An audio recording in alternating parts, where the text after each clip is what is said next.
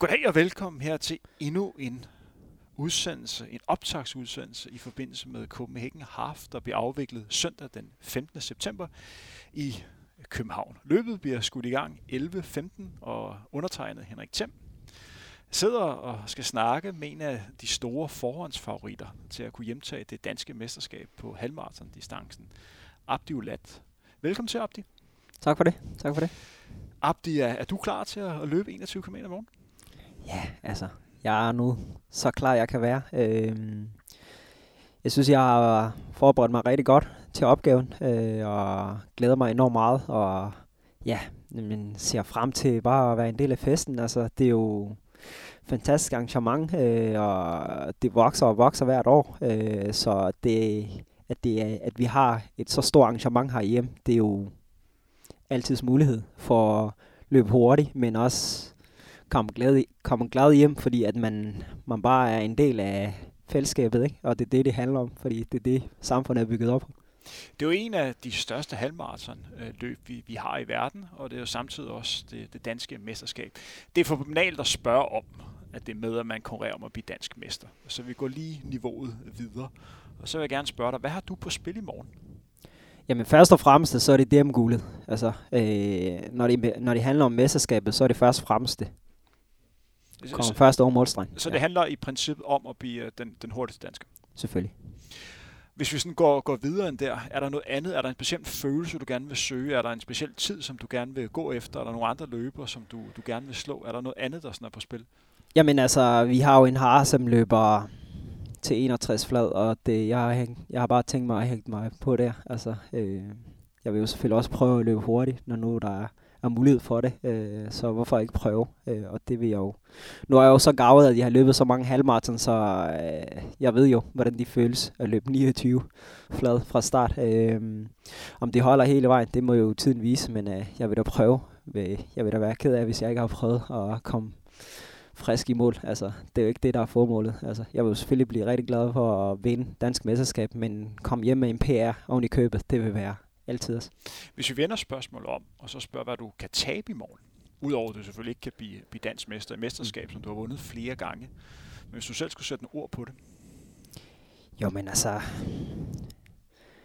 altså, hvad kan jeg tabe? Altså, lige nu har jeg egentlig ikke noget at forsvare, kan man sige. Så, jeg, så du føler lidt, at du er alt at vinde? Ja, altså, hvis jeg har sådan... intet at tabe egentlig. Sådan, det, det, jeg føler det ikke sådan. Altså, jeg vil også blive rigtig glad for andres vejen, hvis de tager det om guldet, fordi det er vigtigt for dansk atletik, at andre kommer til at få lidt succes, fordi de er jo med til at udvikle øh, os alle sammen, og øh, sætte også skub i mig selv, ikke? Altså, så jeg får satset lidt mere.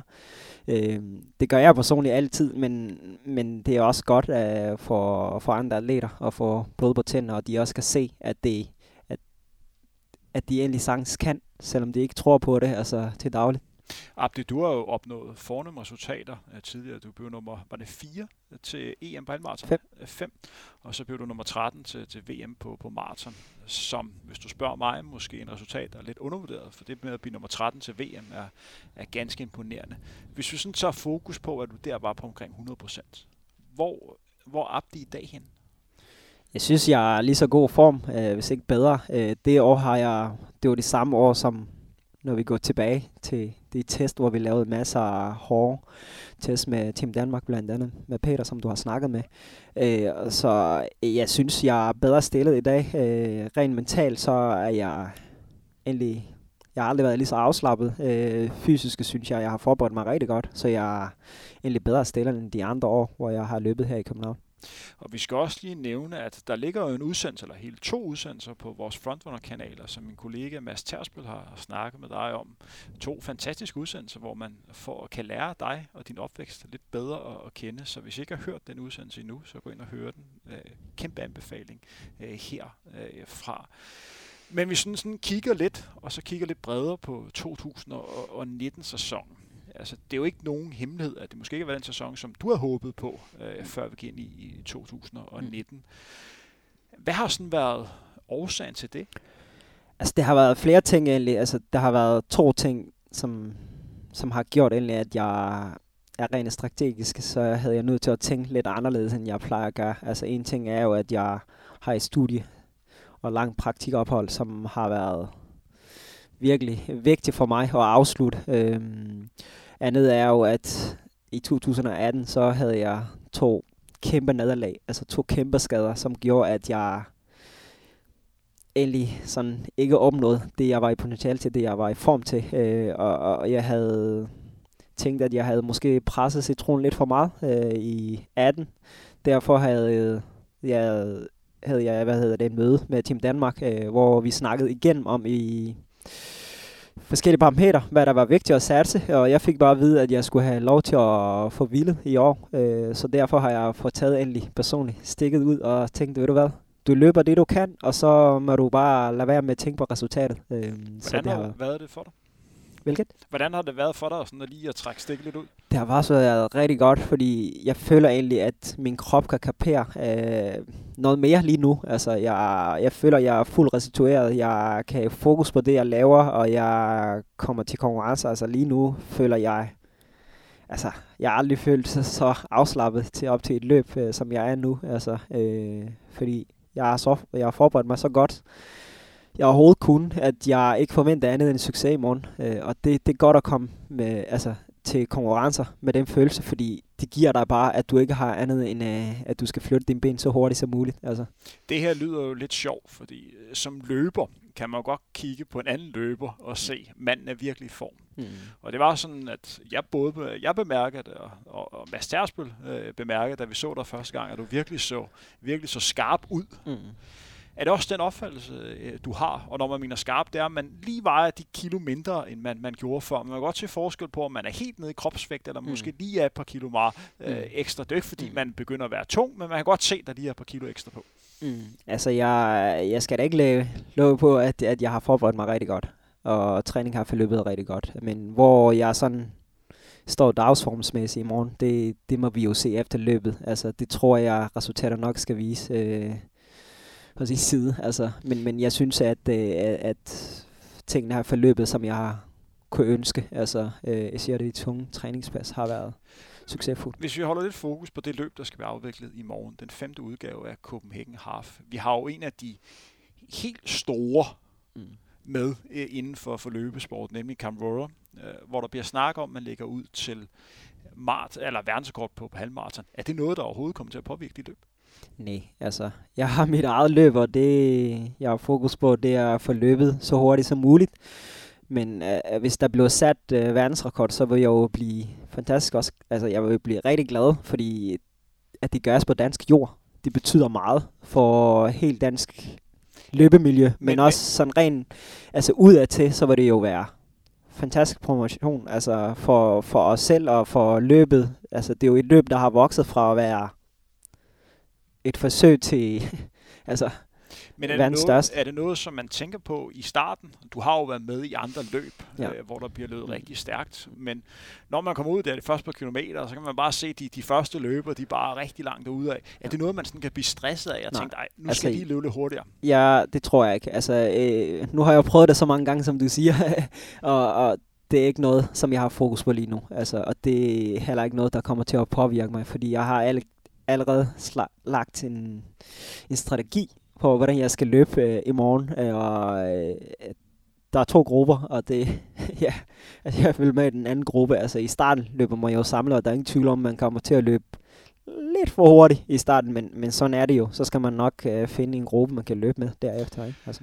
Vi har også en anden norsk løber med, uh, Sonder Moen, som har en personlig rekord så god som 59 minutter og 48 sekunder. En løber, som hvis du har spurgt mig uh, for nogle år uh, tilbage, uh, hvad kan man sige, ville sammenligne med dig, fordi på det tidspunkt uh, havde det det samme niveau. Og det er jo stadigvæk en løber, som du på en eller anden måde ikke kan måle dig op til. Fordi hvis han kan løbe der, så kan du vel også løbe der. Er det noget, som du, du tænker over, at han sådan vil ligge i gruppe 1, eller er det stadigvæk helt sin fokus på det eget løb?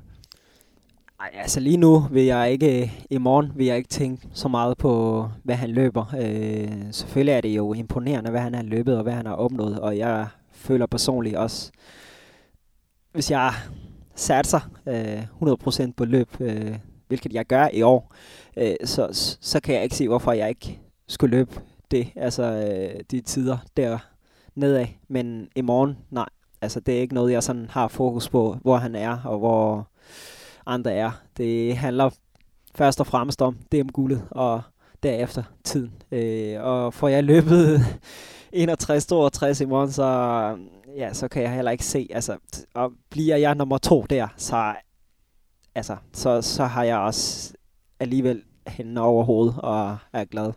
Din værste konkurrent til, til DM-titlen, jeg ved godt også, I er øh, private venner, men det er vel ham, du skal lige have kæmpet, øh, nemlig Thijs. Er det sådan, at du, du tænker, jeg skal have Thijs væk inden for de sidste par kilometer?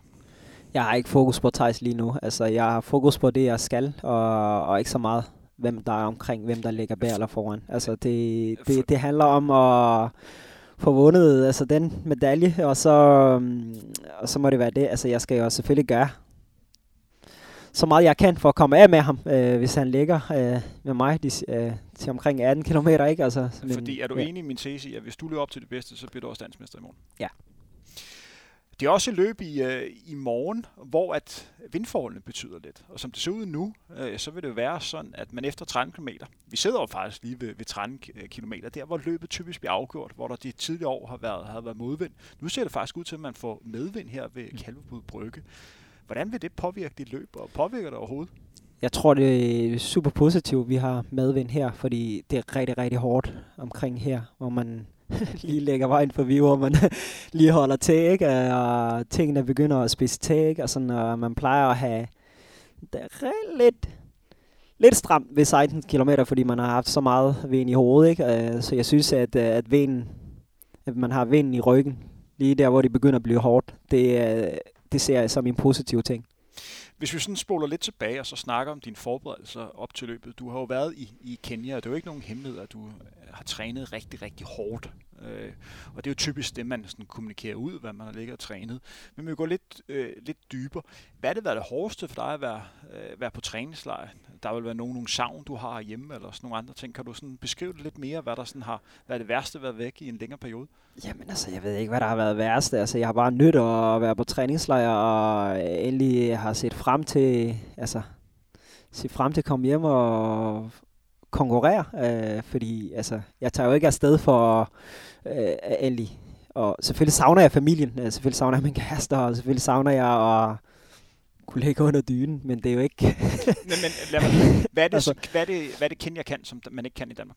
Jamen altså, løbemiljøet dernede, det er jo bare enormt motiverende. Altså, øh, du står... Altså, du mindre du selv vælger det, så kommer du ikke til at løbe alene. Altså, der er altid nogen at løbe med, og der er altid nogen, der er bedre end en hvilket er super afgørende. Øh, her har man jo noget andet, man skal nå. Alting er talt op i sekunder, ikke? Øh, og man skal jo være et sted, bestemt tidspunkt, der skal man jo ikke andet end at træne. Man står op, træner, sover, spiser, og så gentager man det. Øh, og altså, det er jo, det er jo luksus. Altså, i, i, nu har du jo dyrket atletik på højt plan, så det der med at kunne træne så meget man kan, og så derefter slappe af og eller ikke foretage sig andet, det er jo, altså, det er jo løbernes paradis, kan man sige. Det er jo. En ting, som jeg både har spurgt Sondre og, og Thijs om, og nu får du også uh, spørgsmålet. Det er sådan lidt case, at du så udgangspunkt Kipchoge, der nok er den største stjerne i vores løbesport lige i øjeblikket. Mm. Sondre startede med at fik spørgsmålet, om uh, Kipchoge kunne blive lige så god, hvis han træner i Norge,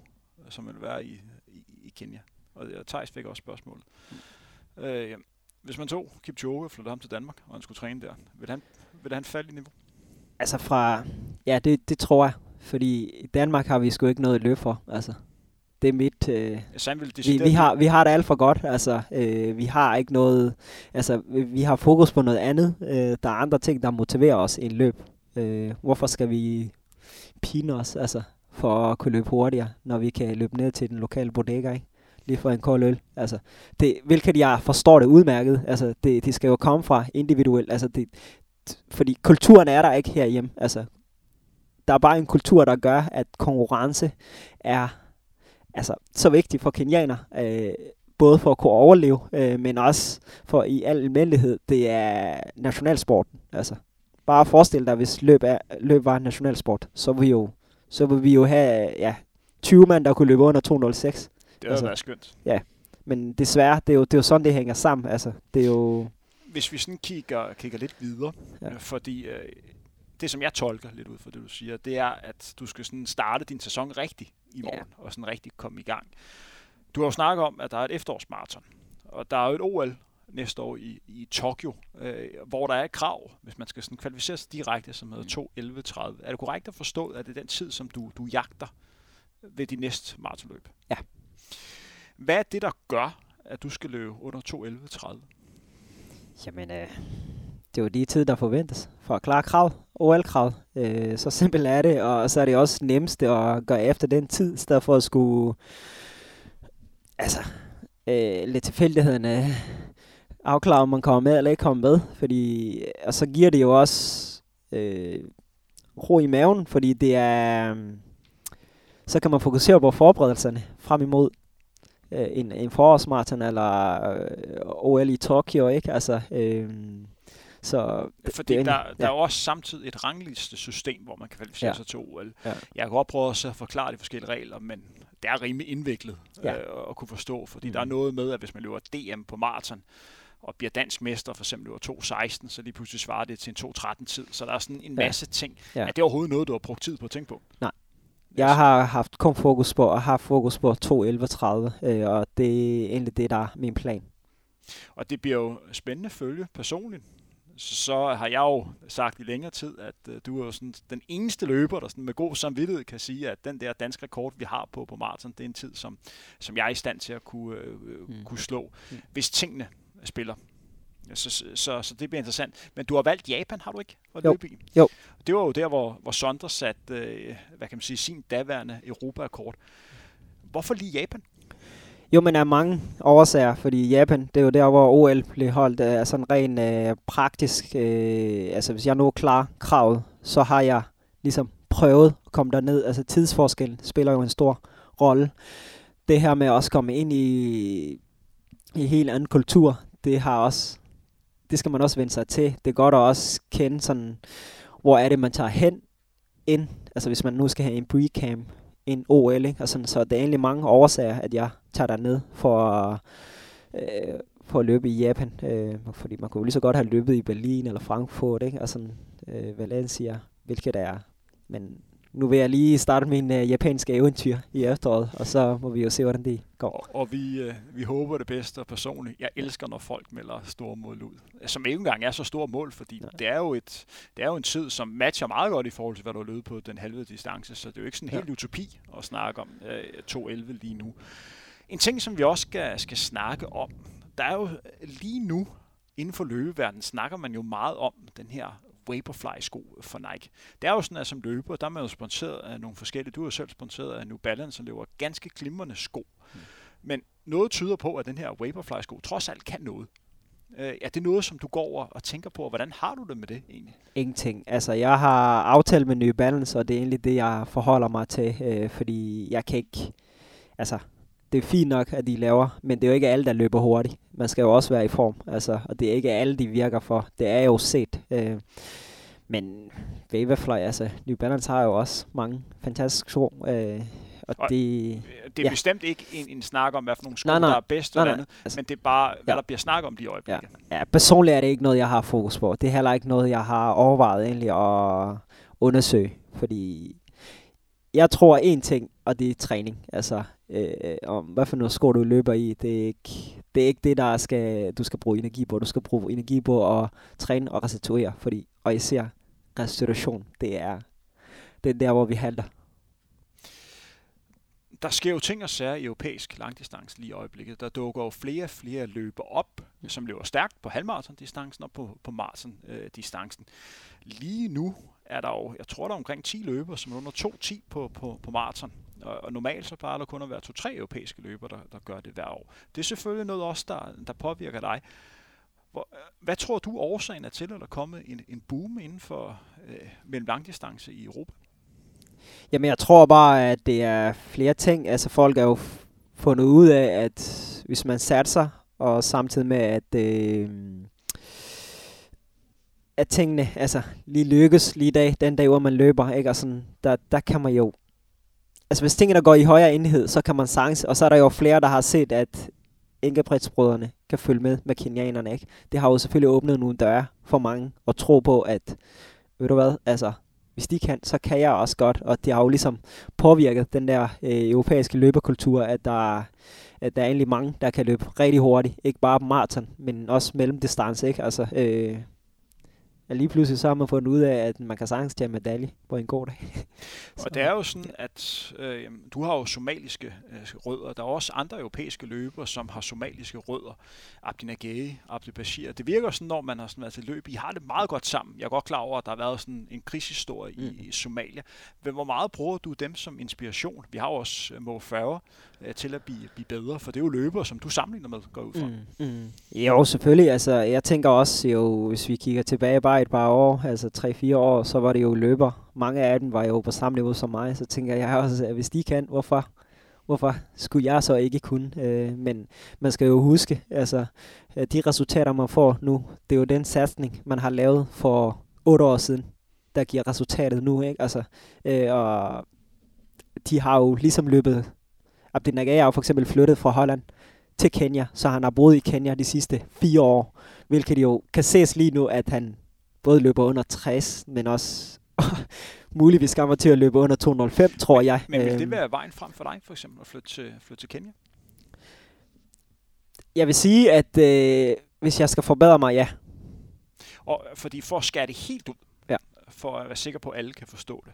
Hvad er det præcis? Man kan godt forstå, hvorfor man tager hele vinterperioden, for der er koldt mm. derhjemme. Men er det så meget bedre i sommerperioden at være i Kenya, end det var i Danmark? Uanset året rundt, så er det stadig bedre. Øh, altså, løbemiljøet er bedre. Løbeområderne er bedre. Øh, du træner altså fuldtid. Altså, du hele tiden, du har hele tiden fokus på at blive bedre som løber. Det kan du ikke have herhjemme. Fordi hvis du bor herhjemme, så har du to karriere, som er sideløbende, og du kan ikke, du kan ikke præstere 100% på begge steder. Det er jo set, det var derfor, at man et eller andet sted løber ind i nogle voldsomme skader, fordi man batterien, batterierne er tom op i hovedet. Så derfor når man slet ikke også restituerer rent fysisk. Og det har jeg jo også mærket på egen krop. Jeg har det tre uger i Kenya er, jeg føler personligt, er bedre end 10 uger, eller 10 måneder i Danmark. Altså. Hvad med noget bare sådan elitært, som, eller bare noget som ganske simpelt, som, som mad? Er maden bedre i Kenya? Øh, nej, men det kan blive bedre, hvis man selv er god til at få købt de råvarer, der er. Der er nogle fantastiske råvarer, øh, så kan man jo selv lave maden. Øh, men sådan rent, hvis man skal ud og spise i restauranter, så, så er det absolut ikke bedre, nej. Lad os øh, gå lidt videre og så tage udgangspunkt i, at vi sidder her og, og har en samtale i, i 2019. Du kom jo rimelig hurtigt ind i, i, i løbe, øh, løbesporten og, og hurtigt havde et, et højt niveau. Hvis vi sådan kigger på, hvor meget mere du kan skrue på sådan rent træningsmæssigt, hvor tæt føler du, at du sådan er, har rammet dit træningsmax? Jeg tror, man altid kan bygge på. Altså, det handler bare om at finde den balance.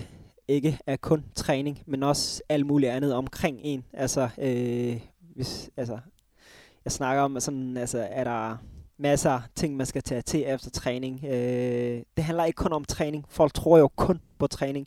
Og det er jo noget, jeg har sådan undersøgt sådan generelt. Hvad, hvad er det, der egentlig udtrætter mig mest? Og det har faktisk aldrig været træning. Jo, du er træt efter træning.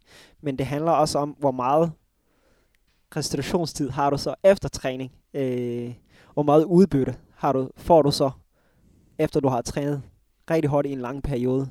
Øh, og der må jeg jo desværre konkludere, og jeg kan kun snakke for mig selv i det her given situation, at det, hvis man har for meget om ørerne, det, det stresser mere end endelig man end det kan sige ud til, øh, end man også tror. Og man bliver simpelthen en dårlig løber så. Ja. Og det har du oplevet på, på egen simpelthen. krop. Øh, hvordan kan man gøre sådan helt konkret? Er det simpelthen, at, fordi det lyder jo ganske simpelt, men når det ja. kommer til stykket, så er det jo svært. Ja. Øh, men det er jo vel øh, vores vigtigste opgave hver især at prøve at få det her sådan stressniveau ned, så man sådan kan fokusere. Ja, men det, altså, det kan bare, altså, jeg, jeg ved ikke, hvorfor det forholder sig sådan. Også hvis du er hjemmegående. Altså, også hvis du er derhjemme og kun træner i en periode. Så kan du ikke få slappe af, fordi der er altid noget, du skal. Der er altid noget, du skal stå op til. Du kan ikke have fem timer sammenhængende, hvor du bare efter træning kan slappe af. Fordi jamen altså, sådan er bare livet. Altså, det er jo bare, vi, vi, vi bor i et samfund, der er skruet sådan sammen, at vi er nødt til at være på farten, for at kunne følge med. Og det, jamen, det er jo godt, Men igen, altså, det, det går bare ud over ens øh, præstationer. Altså, øh, alle kan træne hårdt, men alle kan ikke få udbytte af den hårde træning. Fordi der er andre ting, der påvirker, som de måske ikke er opmærksom på, som er blevet helt en normalitet.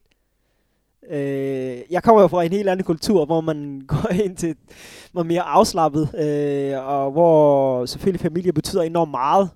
Men det betyder meget også for mig at være sammen med familie, men jeg er nødt til også til afstand nogle gange imellem, fordi det, det, det er lidt for stressende. Altså, øh, jeg, kan ikke, jeg kan ikke restituere, jeg kan ikke sove længe, jeg kan ikke, jeg kan ikke planlægge, hvornår jeg skal slappe af, og hvornår jeg træner. Jeg er nødt til at bare planlægge efter deres øh, dagligdag, ikke? Altså, øh, og, og sådan er det bare. Altså, det er jo elitejob og en almindelig liv herhjemme, hvor man har job eller studie ved siden af, det, det kan bare ikke kombineres, så man også, det i hvert fald, det kan i hvert fald ikke gå hånd i hånd i så lang tid, at man også kan præstere på topniveau. Altså, det er i hvert fald ikke set. Det er ikke hele tiden, det kan lykkes i hvert fald. Vi har et par enkelte spørgsmål tilbage, før vi er, før vi er færdige, og vil ønske dig alt muligt held og lykke i de københavnske øh, gader i morgen. Først så skal jeg lige høre dig om, vi har jo fået en, en ung dansk løber, som er begyndt at løbe rigtig stærkt. Du har sikkert hørt om ham, 15-16. Jeg tror, han ikke blev 16, det tror jeg, Axel. Axel Wang, 30-12 og 14-23 på, på 5.000 meter. Hvis du skulle give ham et godt råd, det er jo, jeg ved, han personligt ser rigtig meget op til dig, men hvis du skulle give ham et godt råd, øh, hvad han skal fokusere på i den unge alder? Jamen først og fremmest, så, så ved jeg jo, at Axel har opnået de resultater ved, at han arbejder koncentreret og rigtig, rigtig, rigtig hårdt. Altså, øh, de fleste skal bare vide, at det er, det er det færreste i den alder. Selv jeg, da jeg var sammen alder med ham, jeg havde sgu ikke andet end, at jeg skulle nå, hvad der var i køleskabet. Ikke? Altså, øhm, men respekt for, hvad han har opnået, og jeg er kæmpe fan. Men jeg vil jo sige, at i den alder, han har, så kan han løbe på sin talent i utrolig, utrolig mange år. Så øh, jeg vil jo bare sige, at han skal nyde, og så lade kroppen restituere imellem de hårde træningspas, fordi al den træning, han laver, det er det virker rigtig, rigtig hurtigt, fordi altså, nu starter jeg jo selvfølgelig også i en, i en sen alder af ung, ikke? Altså, men jeg kan i hvert fald huske, indtil jeg var 20, 21, øh, der kunne jeg jo løbe på talent, øh, men efterhånden, så havde jeg nødt til at lægge på for at blive bedre, ikke? Og det var jo nogle 100 del efterhånden, ikke? Og, sådan, øh, og der er langt imellem PR og så videre, men jeg synes, at han skal suge så meget erfaring, han kan, øh, og så skal han jo bare tænke, at der er så mange, der ser op til ham. Øh, unge og ældre. Og så han skal fortsætte nyde endelig øh, det, han laver. Og prøve at komme ud og se verden. Øh, jeg håber, at et eller andet tidspunkt, at ham og hans far øh, kan rejse ud af Danmark og lige opleve ikke bare øh, forskel, men også hvordan øh, elitefolk træner øh, i andre lande, øh, især Kenya, Etiopien, ikke? Altså hvor meget øh, løbemiljø betyder for ens udvikling, øh, ikke kun ved at sige, åh, oh, der træner de hårdt, der skal jeg også, øh, jeg skal træne lige så hårdt, men man, man ser, i hvil, hvilke systemer de bruger for at blive bedre. Altså, det er jo, alt er jo ikke lige godt, altså det er jo ikke 100 løber, der bliver 100 verdensstjerner, det er måske to ud af ja, det ved jeg ikke, tusind, der bliver verdensstjerner, ikke? Resten, de går jo i stykker. Ja. Det synes jeg også, man skal, man skal lære af, at skader, de sætter altså en tilbage. Øh. Fordi sådan er det vel, at hvor man kan sige, i Danmark, vi kun har én aksel, vi har kun én abdi.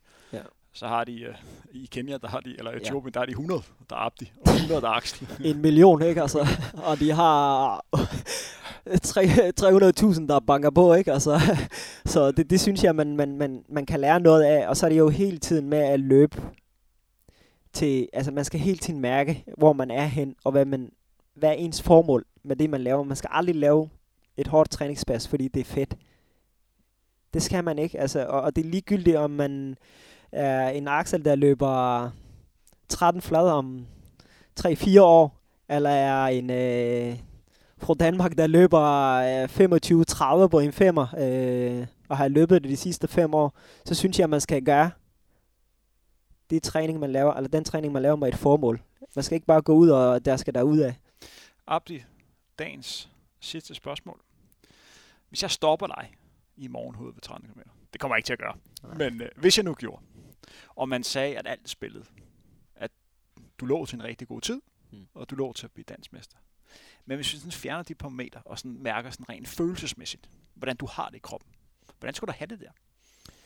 Jeg tror, jeg er bare inde i mig selv, og har ikke hos mig, hvad der foregår omkring mig. Så, så Sådan du er det, man populært kalder inde i zonen, Ja. hvor du bare ligger der og Ja. bare Ja. øh, lidt føler, nu er der. Ja, sådan Fordi- har jeg det egentlig bedst med. Altså, fordi det er vel derude, hvor du sådan rigtig kan mærke, det er, det er min dag i dag.